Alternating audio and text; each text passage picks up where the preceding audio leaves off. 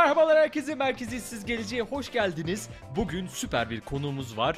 Orb Amsterdam ve Lucify IO kurucusu Doruk Eker ile birlikteyiz.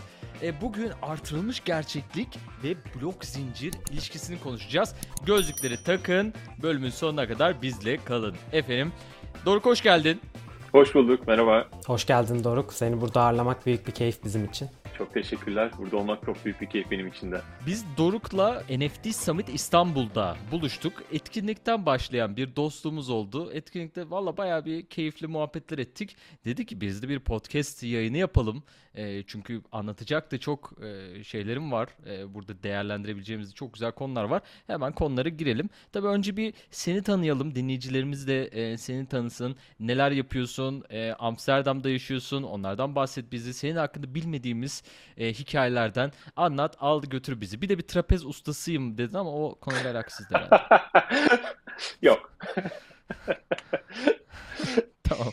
Ne kadar oldu Amsterdam macerası? Yaklaşık 12 yıldır orada yaşıyorum. Yazılım geliştiriyoruz ama yazılım geliştiriyoruz derken daha çok yeni teknolojilerle yazılım geliştiriyoruz. Genellikle arttırılmış gerçeklik, sanal gerçeklik, digital out of home ekranlarında etkileşimli uygulamalar, bunun gibi uygulamalar yapıyoruz. Geçtiğimiz son 12 yılın altısında başka bir şirkette çalışıyordum. Son 6 yıldır da e, Orb Amsterdam e, kurduk 6 yıl önce. Orb tarafında yaptığımız işler genellikle reklam dünyası için oluyor, kampanyalar için oluyor. İşte dediğim gibi arttırılmış gerçeklik ve sanal gerçeklik e, deneyimleri yaratıyoruz. E, markalara işte Adidas, Desperados, Amazon Prime. Orb tarafı bu şekilde devam ediyor. Hala hali hazırda o şekilde e, one-off dediğimiz tek seferlik deneyimler geliştiriyoruz. Bir yandan da son 6 aydır Lucify macerasına başladık diyelim. Lucify'da da Orb'da kullandığımız know-how, oradan öğrendiklerimiz, orada öğrendiğimiz kullanıcı deneyimlerini kullanarak augmented reality yani arttırılmış gerçeklik ortamında bir dijital sanat platformu kurduk. Şu anda o da devam ediyor. İkisinden de konuşuruz zaten. Süper gerçekten ilham verici işler yapıyorsunuz. Biraz burada hani yeni mezunlara veya kariyerini yeni oluşturanlara yol göstermeyi de seviyoruz. Kısacık bir Amsterdam'a nasıl gittin bize anlatır mısın? Orb'u gidip direkt orada mı kurdun? Başka bir sebeple gitmiştin de Orb'a mı evrildi olay? Biraz ondan Anladım. bahseder misin? Benim Amsterdam'a ilk gidişim e, direkt olarak orada çalışmak için oldu. Yani şöyle bir avantajım oldu. Benim daha önceden olan bir Avrupa Birliği vatandaşlığım vardı e, anne tarafından gelen. Normalde Türk vatandaşının izlediği yoldan birazcık daha kolay e, gidebildim aslında. Direkt oraya gittim. Ondan sonra e, oraya gidip bir, bir, bir, bir buçuk ay kadar süre tanımıştım kendime. İşte etrafı tanımak, orada biraz iş araştırması için. O sırada bir reklam ajansı diyelim. Öyle bir yerde iş buldum. Yani junior developer developer olarak e, o şekilde başladım. 6 yıl orada çalıştım. 6 yıl sonrasında da Orb'u kurdum. Ve direkt Hollanda yani Hollanda kanunlarına göre kurulmuş. Orada kurulmuş. Yani Türkiye'de olsa limited şirket olarak geçiyor. Hollanda'da BV olarak geçiyor. E, o şekilde kuruldu Orb. En azından çifte vatandaşlara yol göstermiş olduk. Avrupa Birliği ee, vatandaşlarınız evet. varsa bu yolu takip edebilirsiniz. yani yoksa da aslında birçok yöntemi var ama hani çok çok uzun ve bu konuda ben çok yetkin değilim. O yoldan geçmiş arkadaşlarla konuşmak çok daha faydalı olur. Onu Furkan'a evet, soracaksınız. Öyle. O konuda sonra şey yaparız biz. Tamam, tamam. Yorumlarda DM'den. soranlara cevap veririz. DM'den Furkan'a yürü. DM'den. Oraya. Peki e, yazılımcısın. Ondan da biraz hani e, o background'dan Hı-hı. da hızlıca bahsedelim. Sen bir yazılımcısın aslında. Ne okudun? Master'ını da görüyorum. Orta Doğu Teknik Üniversitesi ODTÜ'de bir master'ın da var. E, ondan da hani kısaca bahsedelim. Ne alanlarda çalışıyorsun? E, onlardan da bahsedelim. Artık geçelim sonra AR'a. tamam oldu. O zaman çok kısa anlatayım. Aslında e, eğitimimle şu anda yaptığım iş arasında çok fazla paralel yani paralellik vardı ama birbirinin devamı değildi diyelim. Ben lisansı e, endüstri mühendisliği okudum. Ondan sonra ODTÜ'de e, IT Master yaptım. Ama bütün bunların yani lisansı okurken sanırım ikinci sınıftaydım o sırada. Yavaş yavaş web teknolojileriyle ilgilenmeye başladım. Orada geliştirmeler yaptım. Okulun yanında ek iş olarak işte firmalara, e, kişilere web sayfaları yapmaya başladım. Daha sonra o web tarafında etkileşimli uygulamalara doğru evrildi. Daha sonra o zamanlar çok popüler olan e, flash ve dokunmatik ekran uygulamaları yapmaya başladım. E, bir süre sonra bütün oradaki know-how, bildiklerim yavaş yavaş Unity oyun engine'ine doğru evrildi. Oyun motoruna doğru evrildi. İşte kaç yılıydı? 2000 2011 yılında ilk e, arttırılmış gerçeklik uygulamamı yaptım. Fuarlarda kullanılacak e, bir e, stand uygulamasıydı. İlk orada deneyimledim. E, bir süre sonra e, o sırada da zaten yavaş yavaş endüstri hem arttırılmış gerçeklik olsun hem sanal gerçeklik olsun e, büyümeye başladı. İşte 2011'den çok daha sonra büyümeye başladı. Ama o zaman edindiğim deneyim tamamen o tarafa kaymamı getirdi. Yani web tarafı, web, flash, Unity oradan da işte arttırılmış gerçeklik, sanal gerçeklik bugüne kadar geldi. Peki güzel bir noktaya getirdin bizi. Arttırılmış gerçekliği artık da önce dediğin gibi konuşabiliriz. E, arttırılmış gerçeklik deyince insanların aklına direkt Pokemon Go geliyor. Çünkü arttırılmış Kesinlikle. gerçekliğin en çok bilinen e, kullanım örneği oldu. Ama biraz artırılmış gerçeklik orada kaldı mı? Sence aşama kaydedebildi mi ondan sonra? Biraz bize artırılmış gerçeklik dünyasından bir izlenim sunar mısın? Ne durumdayız şu anda? E, Pokemon Go kesinlikle herkesin bildiği örnek. Birçok ortamda ne iş yapıyorsun diye sorduklarında ben arttırılmış gerçeklik dediğimde e, o nedir diyorlar. Ondan sonra e, Pokemon Go'yu biliyor musunuz? Aa, evet biliyoruz. İşte o arttırılmış gerçeklik. Endüstri standardı gibi. Özellikle e, konunun biraz daha dışında olanlara ne yaptığınızı anlatmak için güzel bir örnek. Çünkü herkes biliyor. Arttırılmış gerçeklik oradan sonra nasıl evrildi? İlk başta şu anda yani ilk başta en çok evrildiği yer B2B dediğimiz e, uygulamaları oldu. İşte özellikle üretim sektöründe kullanılan bu headsetler olsun, işte HoloLens'ler olsun vesaire. Onlarla orada çok büyük bir gelişme gösterdi. B2C dediğimiz consumer tarafındaki gelişmeleri birazcık oyun dünyasıyla sınırlı şu an. Yani sınırlı demeyeyim de teknik olarak yapılabiliyor oyun dünyasının dışında da ama en çok kullanımı şimdilik oyun dünyasında oldu. Orada da birkaç tane aşılması gereken e, e, challenge var bence teknoloji firmalarının önünde. Bunlardan bir tanesi form factor dediğimiz işte e, yani sonuçta herkes hala telefonundan bakıyor ona. Yani arttırılmış gerçeklik deneyimi hala aslında oradaki karenin içinden bakabiliyorsunuz dünyaya. E ne zaman ki bu form factor gözlüklere doğru gelecek, daha doğrusu sosyal anlamda kabul edilebilir şekilde, evet mesela bu şekilde. Bunlar düz gözlük değil mi? Yoksa Ray-Ban. şeyler mi? Ray-Ban. Ray-Ban tamam, Ray-Ban Stories. Yok. Süper, tamam. Stories değil ama Ray-Ban. Ha, getireceğim okay. ben de. Stories değil Anladım. kendisi ama Ray-Ban. Anladım. Yani ne zaman ki bu o gözlüklere doğru evrilecek, sosyal olarak kabul edilebilir. Yani suratımıza taktığımızda balık adam gibi gözükmediğimiz gözlüklere gelecek. O zaman oradaki e, challenge'lardan bir tanesi geçilmiş olacak. O zaman kitlelere hitap edebilecek e, augmented reality. Bence ikinci zorlukta şu anda kişisel olarak yaşanabiliyor deneyimler. Yani e, nasıl? Ben kendi cihazımdan, kendi etrafımda herhangi bir deneyim yaşıyorum. İşte bu Google Maps'te gideceğim yere bakmak olabilir ya da bir oyunda işte Pokemon Go'da Pokemon'u görüyorum yerde. Ama ben oradan gittiğim zaman o Pokemon tam aynı yerde, aynı şekilde herkesin görebileceği şekilde kalmıyor. AR Cloud dediğimiz şey de dünyadaki bütün mekanların bir dijital ikisini oluşturuyorlar.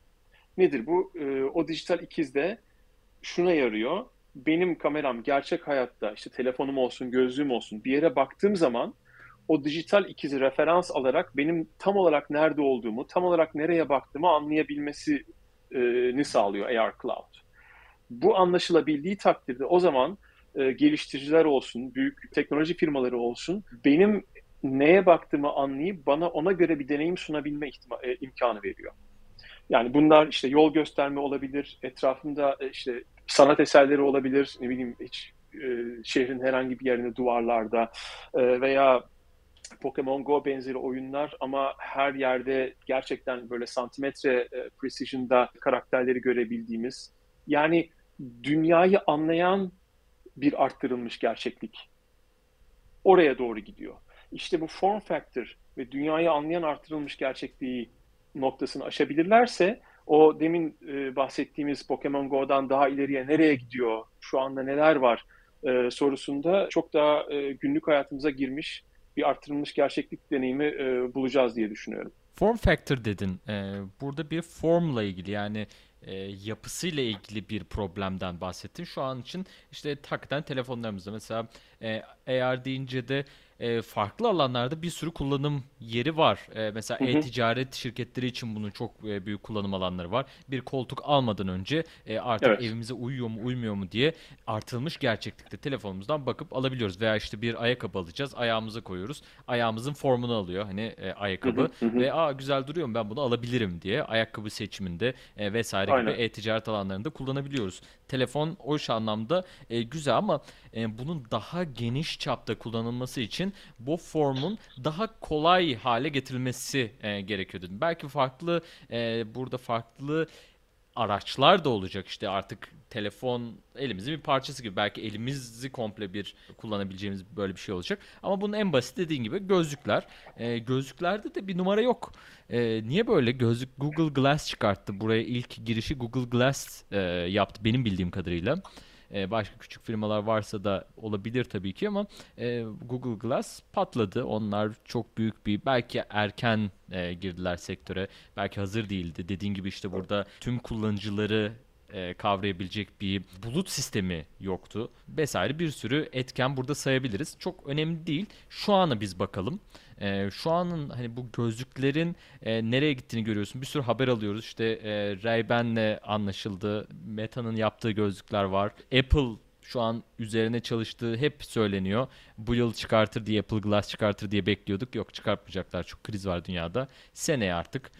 Ee, o bu, bu gözlüklerin geleceğini nasıl görüyorsun? Bu en önemli kısım bu mudur? Yani ekipman olarak baktığımız zaman bir gözlük müdür? Ee, bunu bir senden alalım. Yani iki parçaya bölersek soruyu, hani gözlüklerin geleceği tarafına bakarsak, şu anda arttırılmış gerçeklik gözlükleri var. İşte HoloLens var, Microsoft'un çıkarttığı. Onun dışında Magic Leap var. Bundan bir süre önce işte dediğin gibi Google Glass vardı. O da sonuçta gerçek, normal gördüğümüz gerçekliğin üzerine bir takım bilgiler vererek bize ekstra bir deneyim sağlıyordu. Bunların hepsi var ama bunlar şu anda özellikle HoloLens olsun, Magic Leap olsun, fiyat açısından, fiyat aralıkları açısından son kullanıcıya inebilecek gibi değiller. Yani işte HoloLens en son hatırladığım kadarıyla 2000 küsür, 2000-3000 euro arasındaydı bir tanesi. O yüzden bunlar daha çok B2B uygulamalarda kullanılıyor. Ama B2C'ye bakarsak yani işte ilk etap şu anda Ray-Ban'ın Meta ile yaptığı anlaşma olabilir. O tarz gözlüklerin çıkarılması için e, önlerinde bir takım challenge'lar var aslında. İşte pil ömrü bunlardan bir tanesi. Yani o o küçücük form factor'ın içine onun uzun süre götürebilecek bir pil yetiştir yapabilecekler mi? İşlemci kapasitesi. İşte telefona bağlamadan hiçbir kablosu veya hiçbir bağlantısı olmadan e, görülebilecek mi? Gibi bir takım challenge'lar var. Bunları aşıyorlardır diye tahmin ediyorum bir yandan da tabii şey olarak, e, ekonomik olarak affordable olması, e, satın alınabilir olması lazım. O noktada cep telefonlarında gördüğümüz şeye benzer bir şey yaparlarsa aslında onun da önüne geçerler. Cep telefonlarında tamamen operatörler tarafından subsidy edilmiş yani e, operatörler tarafından karşılanan bir model var. Siz telefonu aldığınız zaman evet peşin parayı alabilirsiniz ama siz bu telefonu aslında e, iki yıl faturalarınıza ekleyerek taksitlendirilmiş şekilde alabiliyorsunuz. O yüzden çok yüksek değerdeki telefonlar satılabiliyor aslında. Aynı şeyleri eğer eğer headsetlerine yapabilirlerse yani bir şekilde operatörlerle veya nasıl olacaksa bunu e, taksitlendirilebilirlerse kitleye ulaşabilir aynı şekilde evet. Benim de geçen ay bir HoloLens deneme fırsatım oldu. Yani bayağı bir aslında kat etmesi gereken yol olduğu görülüyor. Bir evet. etkileşim anlamında aslında sanal gerçeklik gözlükleri daha iyi. Çünkü mesela orada bir kolu tutup hareket ettirdiğimde ve HoloLens ile bunu yapmaya çalıştığımda aslında e, sanal gerçeklik gözlükleri daha iyi etkileşime giriyor hı hı. etrafındaki hı hı. dünyayla. Onu fark ettim. Bir de hani şey gibi düşünüyor insanlar. Gözlüğü takıyorsun ve sadece o arttırılmış gerçekliğin eklediği imgeyi görüyorsun gibi ama aslında etrafını o kadar karartıyor ki HoloLens e, o da kendi içerisinde bir sanal dünyaymış gibi oluyor. Yani o gerçek dışarıdaki obje dışı gerçekliği çok fazla iyi algılayamıyorsun. Ee, bunu diyerek lafı da aslında şuna getireceğim. Burada bir, bir mücadele var. Sanal gerçeklik ve artırılmış gerçeklik arasında. Ee, hani pek çok alanda rekabet ediyorlar. Özellikle Metaverse falan çıktığından beri sanal gerçeklik çok parladı. Çünkü herkes Metaverse'ünü buna göre inşa ediyor falan. Sen bu artırılmış gerçeklik, sanal gerçeklik kıyaslamasında e, nasıl bir ivme öngörüyorsun? Artırılmış gerçeklik bir noktada daha çok ivmelenip geçer mi e, sanal gerçekliği? ve hani konumuz biraz da oraya geldiği için e, hı hı. Metaverse kısmında özellikle daha çok sanal gerçekliğin mi artırılmış gerçekliğin mi payını göreceğiz sence? Evet ikisi şu anda birbiriyle yarış halinde gibi gözüküyor. Bir süre sonra eğer teknik engeller aşıldıktan sonra yani nedir işte hani demin verdiğin örnekten devam edeyim işte arttırılmış gerçekte bir kolu itmekle sanal gerçeklikte HoloLens'te kolu itmek. Bunların ikisinin hissiyatı gerçekçi olacak kadar ve birbiriyle aynı olacak hale gel- geldiğinde ki olacak bu teknolojilerin hepsi geliştikçe o zaman ikisi arasındaki bariyer e, yavaş yavaş kaybolacak diye düşünüyorum. Aynı gözlüklerle, aynı headsetlerle hem sanal gerçekliği hem arttırılmış gerçekliği yaşayabileceğiz diye düşünüyorum. O noktada seçim yaşamak istediğimiz deneyimin bizden beklediği şey olacak diye tahmin ediyorum. Nedir bu? Sanal gerçeklikte tamamen dışarıya kapalıyım. Yani dışarıdaki gerçeklik yok ve ben sadece tamamen sanal bir dünyanın içindeyim. Arttırılmış gerçeklikte tam tersi. Ben kendi dünyamı görüyorum. Sanal olan objeler benim dünyama geri geliyor. Herhangi bir oyunda eğer ben fütüristik e, gelecekte geçen bir ortamdayım ve onunla ilgili bir bir takım aktivitelerim var o dünyanın içinde. Böyle bir oyun tasarlayalım diyelim.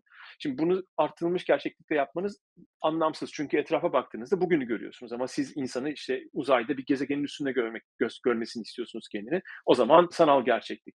Ama eğer dizayn ettiğiniz deneyim, oyun vesaire bu dünyadaki elementlerle etkileşiyorsa ve bu dünyayı yavaş yavaş dönüştürüyorsa o zaman arttırılmış gerçeklik. Bu bence bir yarış olmaktan çıkıp yavaş yavaş tercih noktasına gelecek diye düşünüyorum ben. Yani ikisi arasındaki farkın o şekilde e, evrileceğini düşünüyorum. Bir süre sonra o form factor gerçekten gözlüğe geldiğinde işte bir, bir switchle o gözlüğü tamamen karartıp sadece virtual reality içinde olabileceğiz, sanal gerçeklik içinde ya da onu açıp e, arttırılmış gerçeklik içinde olabileceğiz. Ha, bu kaç yıl sonra olur, tam olarak böyle mi olur bilmiyorum ama 3 aşağı 5 yukarı oraya doğru gidecek diye düşünüyorum şey gibi e, böyle miyop gözlüğü var. Üzerine takıyorsun. Aynen. hani güneş gözlüğü takma var ya. Onu takıyorsun. Virtual reality'ye geçtim gibi. Valla o güzel bu arada onlar bak. işlevli. Çünkü mesela güneş gözlüğünde iki tane gözlük mü yanımda taşıyayım? Bir tanesini hani takıyorum. Çirkin gözüktüğü de çok umurumda değil. Onu yapıyorum e, diyorsun. Bunda da geçerli. Çünkü kullanım kolaylığı da istiyoruz bir tüketim hı hı. E, ürünlerinde kullanım kolaylığı çok önemli. Şimdi bir sürü farklı açıdan bakalım hadi. Gidelim. Dedin ki form factor var dedin. Hı hı. Güzel de bir konu. Bak form factor not aldım. Şekliyle ilgili bir problem var dedin. Te- şeyde bile var yani bu Apple Watch'larda bile var. Apple Watch alıyorsun mesela her gün şarj etmen lazım ki yani kullanırsın. Normal saati şarj etmezsin yani. Öyle bir şey yok. Hı hı. Yani saat kim şarj ediyor yani? Yıl, iki yılda bir kere belki yani pil değiştirirsin. O da pilliyse. Hani orada da problem var aslında. Yani sürekli takman gerekiyor falan. Gözlüklerde de yine aynı problem olacak şimdi. E, bu bizi farklı teknolojilere de götürüyor artık. Lens belki bu işin içine girebilir. Birkaç şirket bunun üzerine çalışıyor şu an. Formları geçtiğimizi düşünelim. Bu formların hepsini kolay kullanılabilir, kolay takabileceğimiz, kullanabileceğimiz hale getirdiğimizi düşünelim. Ya işte lensle ya çok güzel böyle klas bir e, gözlükle. Niye klas diyorum? Çünkü bu gözlükler çirkin abi. Yani bu bakıyorsun Magic Leap'e falan çirkin yani gözlük şimdi. Yani kocaman şey yani. Hiç güzel değil yani. Şimdi kusura bakmayın. Yani tamam e, burada bir iş kullanımı var. Hani e, burada bir üretim bandına giriyorsun onunla. Çok güzel. Ama yani ben şimdi dışarıda taksam olmaz yani. Yakışmaz şimdi. Onu da yaptığımızı düşünelim. Formu çok güzel olduğunu düşünelim. E, neler yapabiliriz? Bununla hani e, gündelik hayatımızda e, nasıl değiştirebilir? Neleri değiştirecek? E, bu kullanım alanları olarak da böyle eminim ki sen de düşünüyorsun. Yani böyle e, bize birkaç tane yani şuralarda çok acayip hayatımızı değiştirebilir. E, şöyle kullanabiliriz. Çok insanları böyle videoya takıp dikizlemek dışında kayda almak dışında ne alanlarda kullanabiliriz? Soruya cevap vereceğim. Bundan önce tek başka bir şey söyleyeceğim. İlk işte 2007'de Steve Jobs iPhone'u tanıttığında kimse dönüp de aa Uber dememişti. Değil mi? Yani aslında oradaki sunulan teknolojiyle Uber'in kullandığı teknolojiler arasında çok fazla fark yok. Yani o zamanki teknolojilerle de yapılabilirdi Uber aslında. Yani şu anda benim bu soruya vereceğim cevap şu andaki bildiklerimizle ve şu ana kadar gördüklerimizle kısıtlı olacak gibi düşünüyorum.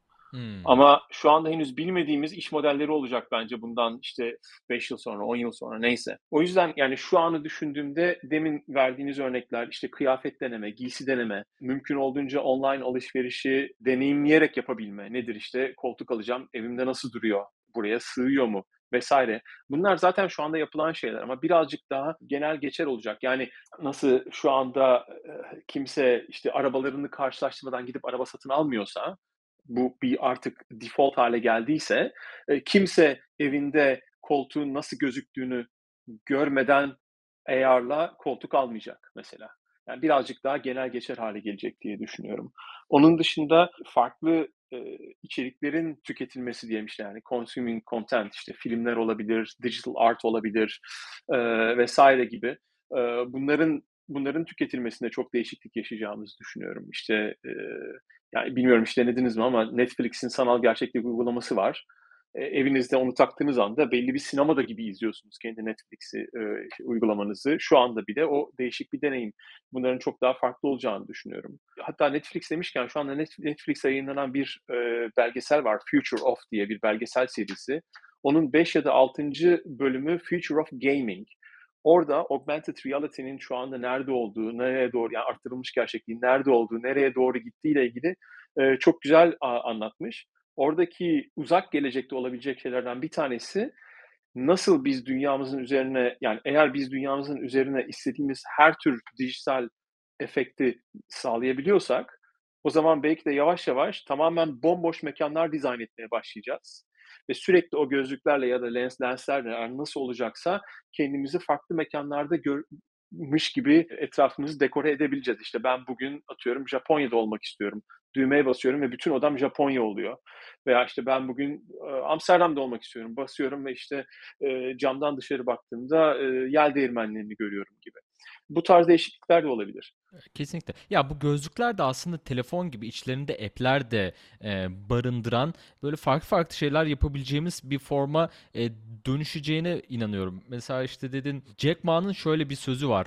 E, bundan 10 yıl kadar sonra artık böyle middleman'ler, orta adamlar işte e, e-ticarette veya işte e, ticarette aradan kalkacak. Bu artık AR teknolojileriyle AI ile birlikte de bu ürünün daha uygun fiyatı nerede olduğunu, e, nerede üretildiğini, nereden alabileceğimizi artık bulabileceğiz. E, dediğin Hı-hı. örnek o çok güzeldi. Mesela Hı-hı. arabada da mesela gözlüğümde bir tane arabaya uygulama e, geliştireceğiz. İşte arabayı scan ediyor. Macun var mı orada bir yerde? E, bunu görebileceğiz. Edit gözlükleri şeyin Iron Man seviyesine gelmemiz lazım.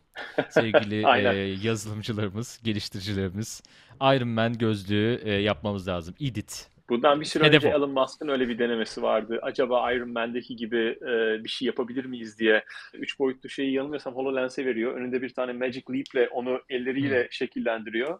Daha sonra bir 3D printer'dan aynı parçayı basıyor. Oradaki e, iç akışını yapabilir miyiz diye bir denemesi vardı Elon Musk'ın. Yapıyorlar. Onu kullanıyorlar Yapıyor. zaten. Ee, şeyde tabii SpaceX'te de Tesla'da da ikisini de kullanıyor. Video, o videoda işte ha, izlediğim aynı, videoda okay. ondan bahsediyor. Biz bunu kullanıyoruz diye burada. Kend, kendileri geliştirmişler mesela. Yok öyle dünyada öyle bir yazılım. Onu ikisini alıp birini birleştirip mesela yapmışlar. Ama o da şeyi gösteriyor yani bilim kurgu filmlerindeki gelen fikirlerin aslında nasıl e, insanları e, insanlara ilham verdiği, bunu yapabilecek kişilere insan ilham verdiği ve bir süre sonra e, onun gerçeğe dönüştüğü. Yani o zaman bilim kurgu olarak izlediğimiz şu anda gerçek. Gerçekten çok ilham verici kullanım örneklerinden bahsediyorsunuz. Biraz daha ayaklarımız yere bassın diye ben sizi yakın geleceğe çekeyim. Tabii. Buradan hani özellikle e, senin üzerinde çalıştığın Orb Amsterdam ve Lucify'de üzerinizde çalıştığınız yakın gelecekte bizi nasıl inovasyonlar bekliyor, neler üzerinde çalışıyorsunuz? Hani heyecanlanmamız gereken çok güzel bilim kurgu örnekleri var ama e, yakında sizin tarafınızdan göreceğimiz neler var? Lucify'dan bahsedeyim isterseniz. Orada çok keyifli gelişmeler olacak önümüzdeki birkaç ay içinde. Oradan da augmented reality arttırılmış gerçeklik dünyasındaki gelişmelerle ilgili de e, oraya bağlayabiliriz. E, Lucify'da ne yapıyoruz? Lucify bir platform, e, web AR üzerinde çalışıyor. Yani arttırılmış gerçekliği herhangi bir uygulama indirmeden web üzerinde görebiliyorsunuz. Sanatçılar, sanatçıları reprezente eden agency'ler e, kendileri sergiler düzenleyebiliyor. Sergi düzenlemek nedir? Siteye giriyorlar, üye oluyorlar. Ondan sonra diyorlar ki ben işte şu sanatçının 5 ya da 10 eserini için bir sergi düzenlemek istiyorum. Ama bu sergi fiziksel bir mekanda olmuyor bu sergi augmented reality üzerinde de deneyimlenebiliyor. Kendileri bir link alıyorlar. O linke kendileri girdiğinde veya başkası e, yani o linke girildiğinde o sanatçının eserlerini arttırılmış gerçeklik içinde etraflarındaki duvarlara koyarak kendi ortamlarında izleyebiliyorlar. Eserler şu anda yani Lucify'in desteklediği eserler, durağan imaj olan eserler, videolar, aynı zamanda küçük animasyonlar. Şu anda iki tür deneyim sağlıyor Lucify. Bir tanesine Transient Exhibition diyoruz. Nedir? Ben bu linki alıyorum, o linke giriyorum. O linkte gördüğüm e, eserleri etrafındaki duvarlara koyup bunları etrafında kendi istediğim boyutlarda, kendi istediğim şekilde deneyimliyorum. E, bunların işte fotoğraflarını çekebiliyorum, videolarını çekip paylaşabiliyorum. Sosyal medyada olsun veya arkadaşlarımla özel e, kanallardan olsun. Bu bir tanesi. E, diğeri kısa süreli e, mi demek? Nasıl Türkçeleştiririz? Evet, aslında kısa evet, süreli kullanım alanı kısa süreli mi? diyebiliriz. O da şuradan geliyor. Hmm. Ben kullanıcı olarak telefonumu kapatıp gittiğim zaman ve geri geldiğimde onlar burada kalmıyor. Tekrardan onları Heh. yani o Kalıcı bir değil. anlık deneyim. Kalıcı bir deneyim değil, Hı hı. geçici bir deneyim aslında. Ama paylaşabiliyoruz o deneyimi başkalarıyla. e, doğru Aynen. mu? Doğru, hı. doğru. Başkaları hem- da katılabiliyor. Benim yarattığım ortama o anda e, stream edebiliyoruz. Yani yayın yapabiliyoruz ve başkaları da gelip o ortamda onu e, galeriyi görebiliyorlar. Doğru mu? Ee, başkaları o ortamda göremiyor çünkü o kişiler o ortamda değil. Ama başkalarıyla Hı paylaştığım zaman onlar da kendi etraflarındaki galeri yaratabiliyorlar. Yani Hı, bu aslında indi- e, nasıl bireysel bir deneyim. Buradaki avantaj bunun global olması. Yani ben atıyorum İstanbul'da bir e, sanatçıyım. Bir eser yarattım. Bunu Lucify'a koyup Arjantin'e gönderiyorum. Buenos Aires'te biri açıyor bunu ve oradaki kendi oturma odasını veya oradaki atıyorum başka bir binanın cephesinde bunu görüntüleyebiliyor. Dediğimiz gibi kendisi gittiği zaman bu kalıcı olmuyor. İkinci tip e, sergi diyelim. Buna da fixed exhibition diyoruz. Nedir? Bir yere bağlı yani lokasyon bağlı diyelim. Burada da artırılmış gerçeklikte kullanılan AR markerları dediğimiz bir takım fotoğraflar var, resimler var diyelim. Ee, özellikle belli bir lokasyonda e, sergi yapmak isteyenler bu resimleri alıp e, basıp herhangi istedikleri size'da duvarlara koyabiliyorlar. İşte o zaman onu o lokasyona gelip de kendi telefonundan bu posterlere bakan herkes oradaki posterlerin üzerinde bu dijital e, sanat eserlerini görüntüleyebiliyor. İşte o zaman birden fazla kişinin ortak bir deneyimi olabiliyor o zaman aynı lokasyon için. Hmm. Ee, şu anda bu ikisi var. Peki ne geliyor? Çok. Asıl heyecan verici olan bu. Tekrar konunun başına döneyim. Pokemon Go'ya döneyim. Pokemon Go'yu yapan firma Niantic. Mayıs ayının sonunda bir açıklamada bulundu. Pokemon Go'yu geliştirdiği ya da Pokemon Go tarafından gelen Visual Positioning System dedikleri bir teknolojiyi kullanıcılara açıyor. Visual Positioning System nedir? Demin anlattığım AR Cloud sisteminin ilk e, adımları. Bu şekilde yani bu teknoloji sayesinde bizim cihazlarımız nereye baktığını atıyorum İstanbul'dayım Galata Kulesi'ne bakıyorum. O Galata Kulesi'ne baktığımı anlayacak. Biz de bu teknolojiyi şöyle kullanıyoruz. Lucify üzerinde bir sergi oluşturduğunuz zaman bir sanatçı olarak olsun, bir ne bileyim işte bir curator olarak olsun. Diyorsunuz ki evet ben bu sanat eserinin yine Galata Kulesi'nden devam edeyim. Galata Kulesi üzerine konumlandırıyorum. Buraya koyuyorsunuz. Ve diyorsunuz ki burada benim linkim var. Galata Kulesi'ne gidip bu linke girerseniz aynı yerde aynı eseri görüntüleyebileceksiniz. Ve böylece bütün şehirde e, sergiler oluşturmak, şehrin yüzünü ne farklı bir boyut ekleme imkanı oluyor. Biz bu teknolojiyi bu şekilde kullanıyoruz. Ama bu teknoloji yani yine AR tarafına gelirsem e, bu teknolojiyle yapılabilecek e, birçok fazla deneyim var. Söylediğin şey aslında beni çok heyecanlandırdı şu an çünkü aklıma gelen ilk şey şu oldu. Aslında kolektif bir eser tasarımı yapılabilir o zaman. Ben gittim Galata Kulesi'nin üzerine bir eser yaptım. Tabii. Başka gelenler de ona katkıda bulunarak aslında kolektif bir sanat eseri ortaya çıkartabiliriz o zaman değil mi? Doğru, doğru. Bu şekilde düşünmemiştim ama evet doğru.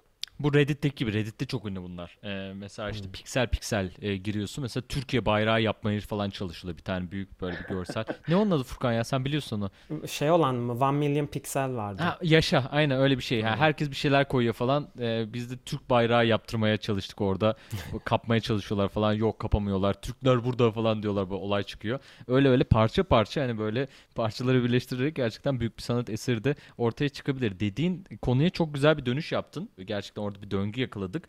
Ee, bir problem vardı. Bulut teknolojisinde yani artırılmış gerçeklikte bir bulut e, sisteminin hala çok etkin olarak var olmamasından bahsettin ve bu teknolojiyi nasıl açacağız? E, bu bu sorunu nasıl açacağız? İşte e, Pokemon Go'nun geliştiricilerinden e, böyle bir teknolojinin çıkması, hala hazırda geliştirdikleri bir teknolojiyi daha kullanabilir hale mi getiriyorlar? Lucify'da kullanabilecek mi mesela öyle bir ortam olayım mı? Evet. Evet, şu anda Mayıs ayının sonunda bunu açıkladılar ve şu anda 10 bugün ayın kaçı 22'si 14 Temmuz itibariyle e, beta kullanıcılarını açtılar. Biz de Niantic'in ortaklarından yani e, partnerlerinden bir tanesi olduğumuz için e, biz de kullanabiliyoruz ve birçok geliştirici henüz bununla ilgili bir çalışma yapmadan önce biz Lucify'a entegre edeceğiz Süper. Peki biraz da hani Lucify'da özellikle NFT marketplace'lerle bir entegrasyon olduğundan bahsettin ve hani NFT'leri de alıp belli bir yerlerde sergileyebileceğiz aslında. Burada biraz konuyu blok zincirine getirmeye çalışıyorum. Bunun dışında NFT'ler e, artırılmış gerçeklikte bir kullanım alanı bulacak mı? Hani hem sizin projelerinizde olabilir ya da dışarıdan gözlemlediğim farklı bir kullanım alanı. Ekstra bir katma değeri olacak mı blok zincirinin artırılmış gerçeklik dünyasına? Bence evet. Ama şöyle şunu da söyleyeyim. Ben bir blok zincir uzmanı değilim. Biz daha çok artırılmış gerçeklik tarafında çalışıyoruz ve burada NFT'lerle çalıştığımız için NFT'ler hakkında bilgim var. Ama blok zincirde yapılan şu örnek artırılmış gerçeklikte şunu yapar diye bir örnek veremeyeceğim. Ama NFT'lerle ilgili tekrar bir şey söyleyebilirim bununla ilgili. Bizim çıkış noktamız da oydu zaten. NFT'lere baktığımızda şu anda ya telefonunuzda kendi cüzdanınızın içinde bunları küçük pikseller yani küçük resimler olarak görüyorsunuz ya da işte ekranınızda görüyorsunuz. Eğer NFT sergisi yapmak istiyorsanız e, birazcık daha e, yatırım yapıp işte büyük ekranlar alıp NFT'leri öyle görüntüleyebiliyorsunuz vesaire.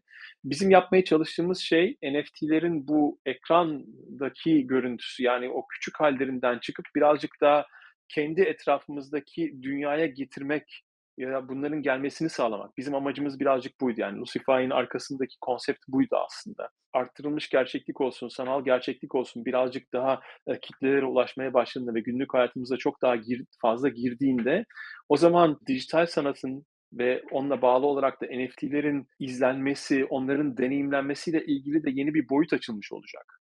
Yani şu anda dijital sanatı görebilmek için ya telefonunuza ya bilgisayar ekranında ya da gidip galerideki büyük ekranın üzerinde bakabiliyorsunuz bunlara ya da ne bileyim mesela Refik Anadolu'nun işleri gibi projektörlerle bakabiliyorsunuz. Bir anda bu sanat eserlerini deneyimleyebildiğiniz ve kitleler halinde deneyimleyebildiğiniz yeni bir alan açılmış oluyor aslında. Yani gerçek dünyanın üzerinde bunun olduğu alan açılmış oluyor.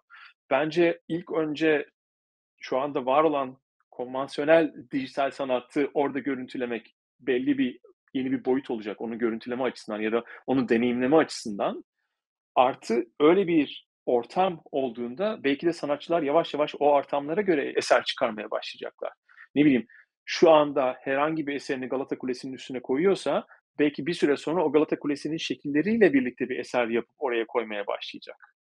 Ya da demin söylediğiniz kolektif eser oluşumları başlayacak ama onun içinde bir ortam var. Yani nedir işte bu binanın duvarı şeklinde kolektif eser yapmaya çalışıyoruz gibi. Orada çok büyük katkıları olacağını ya da çok farklı yönlere gidebileceğini düşünüyorum onun kolektif eser konusunda aslında şu da beni heyecanlandırıyor. Yani orada belki kendi soruma cevap gibi olacak ama blok zincirinin faydalarından biri de her katkı yapan aslında bunu Tabii. E, cüzdanı ile imzalayıp aslında bir nevi NFT'leştirirse e, kolektif eser bittiği zaman aslında herkesin ufak katkısı imzalanmış ve blok zincirine yazılmış Hı-hı. olacak. Yani burada e, tamamen anonim bir kolektif eser de oluşturulabilir pikseller gibi ama eğer gerçekten insanları hayatları boyunca yaptıkları katkı oranında da ödüllendirmek istiyorsak mesela böyle bir amacı varsa projenin o zaman bunu blok zincirle imzalayıp onun NFT'si, kolektif eserin NFT'si satıldıkça bütün paydaşlara aslında pay dağıtımı yapılabilir. Böyle belki finansal bir sanatçılara ek faydası da olabilir aklıma gelen mesela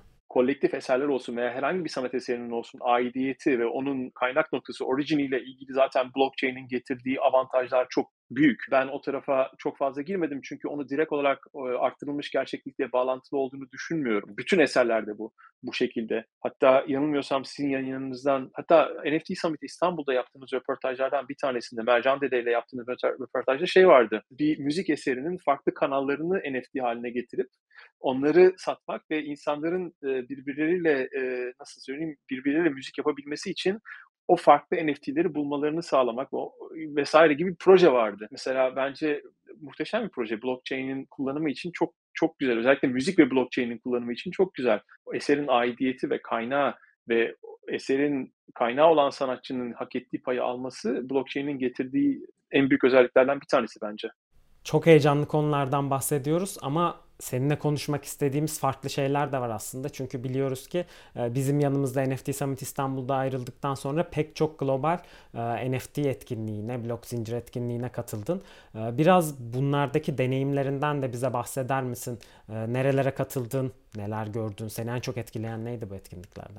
NFT İstanbul sizinle tanıştığımız etkinlik çok dengeliydi etkinlikteki başlıklar çok güzel e, organize edilmişti bence. Çok yani hiç kimseye ağırlık verilmeden işte oyun tarafı vardı, hukuk tarafı vardı, müzik tarafı vardı vesaire vesaire. Ondan sonraki katıldığım ilk NFT etkinliği e, Brüksel e, Blockchain haftasıydı. Oraya katılımım şu şekilde oldu. Birlikte çalıştığımız bir ajans var, e, TurboSlow diye. E, TurboSlow, Brüksel ve Frankfurt merkezli iki şir- e, şehirde birden merkezleri var. Ve NFT olarak e, eserler üreten sanatçıların menajerliğini, ajansını yapıyor diyelim. Aynı zamanda projeler geliştiriyor kendisi. Ve Lucify'ı kullanarak orada bir screenless yani nasıl diyelim ekransız NFT sergisi e, düzenlemek istediler. Onlarla birlikte çalıştık. O vesileyle aslında Brüksel'deydim. E, maalesef başka bir etkinlikle çakıştığı için çok kısa kalabildim ama çok keyifli bir sergiydi. Etrafta yapı, yapıldığı yer normalde bir sanat galerisi. Oradaki eserleri e, AR markaları olarak, olarak tanımlayıp e, telefondan bakıldığında oradaki eser yerine NFT'lerin görünmesini sağladık. Bu demin bahsettiğim Fixed Exhibition bölümünü kullanarak Lucify'in e, bunu gerçekleştirdik. Çok keyifli bir etkinlikti. Özellikle Brüksel, işte Avrupa Birliği'nin de birazcık daha merkezi olması nedeniyle çok fazla regulator olan kişiler vardı. Çok fazla kurumsal yani normal bir NFT etkinlikte görmediğiniz kadar kurumsal firmalardan gelenler vardı. E, ama dediğim gibi çok kısa kalma imkanım oldu. E, oradan hemen sonra geçtiğim etkinlikte Fransa'da, Fransa'da Cannes'da e, Cannes Lions Festivali'nde e, bulundum. Orada bulunma sebebim de hem Orb tarafında yaptığımız bir takım deneyimler orada sergilendi. Hem de Lucify ile birlikte bir transient e, exhibition'ı orada yine Turbo Slow'un curate ettiği bir transient exhibition'ı orada ziyaretçilere sunduk. O şekildeydi. E, oldukça keyifli bir etkinlikti. Cannes Lions tam olarak NFT etkinliği değil, tam olarak değil, NFT etkinliği değil zaten. Orada gördüğümüz şey daha çok reklam dünyasının, yani reklam dünyasının Oscar'ları gibi oradaki ödül töreni. E, çok magazin bir söz oldu, reklam dünyasının Oscar'ları ama en güzel öyle anlatılabilir herhalde. Orada gördüğüm şeylerden bir tanesi diğer etkinliklerden farklı olarak genel geçer işte reklam ajansları olsun, firmalar olsun vesaire e, NFT'ye birazcık daha uzak duruyorlar şu anda. Girmek istiyorlar ama bir yandan da belirsizliklerden dolayı uzak duruyorlar. Orada anladığım kadarıyla kendilerinin NFT tarafında veya işte blockchain tarafında çok daha fazla bilgilenmeleri lazım. Yani burada bizlere de iş düşüyor. Bizlerin çok daha fazla anlatmamız lazım oraya. Ama örneğin mesela siz bu programı yaparak zaten kendi üzerinize düşeni çoklukla yerine getiriyorsunuz. Evet bir şeyler yapmaya çalışıyoruz ama etkinlikler anlamında özellikle e, daha fazla şey yapılabilir. Özellikle yani farklı farklı etkinliklere katılmak, oradan dünyaya biraz yansıtmak. Seninle olan bu konuşmamız da o anlamda çok iyi oldu. Çünkü burada insanlar Türkiye'de pek çok etkinlik yapmak istiyorlar. Yeni yeni bu işe giriyorlar.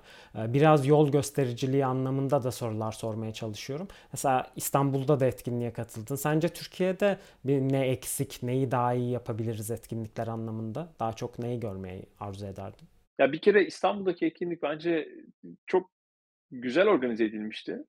Bir parça fazla daha fazla duyurulması ve daha fazla katılımcının olması iyi olabilirdi bence İstanbul'daki etkinlikte. Çünkü ona onu hak eden ve onu kaldırabilecek bu düzeyde bir etkinlikte.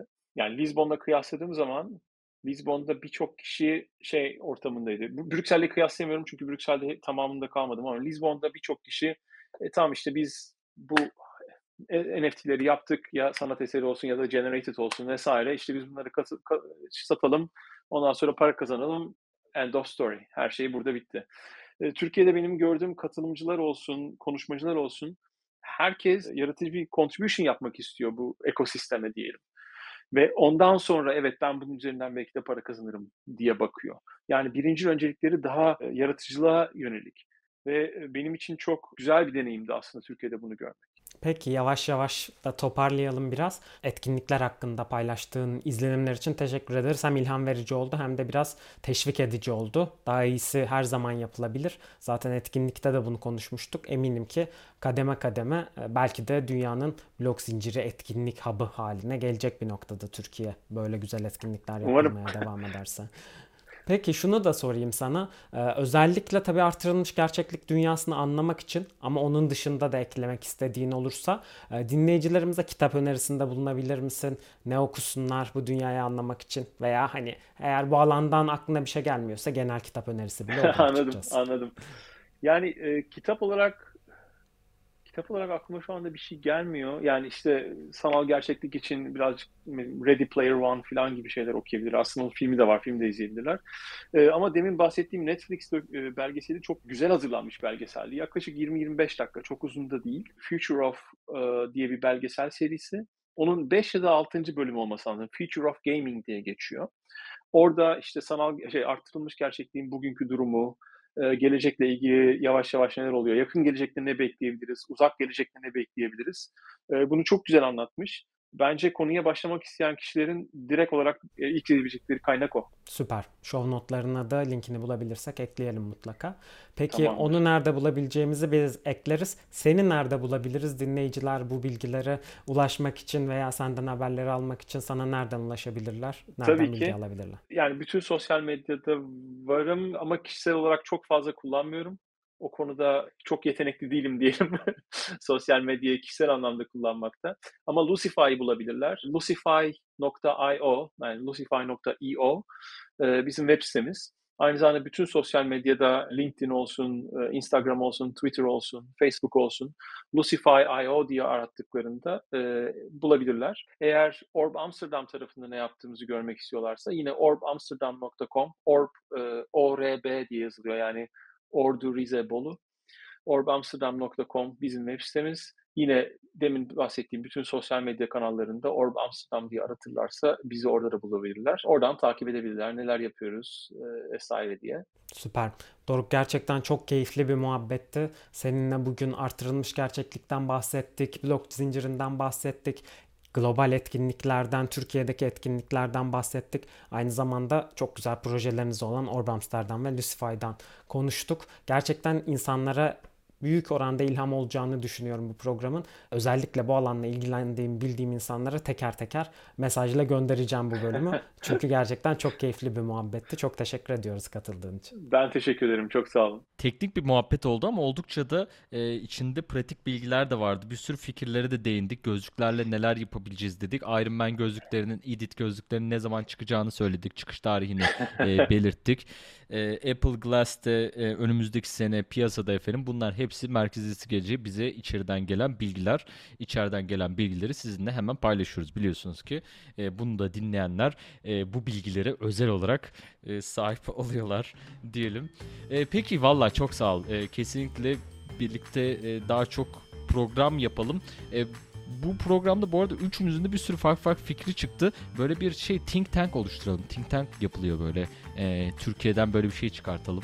E, düşünme topluluğu gibi bir şey. Onu da konuşuruz ayrıca. Doruk Bey sizi e, ağırlamaktan büyük keyif duyduk.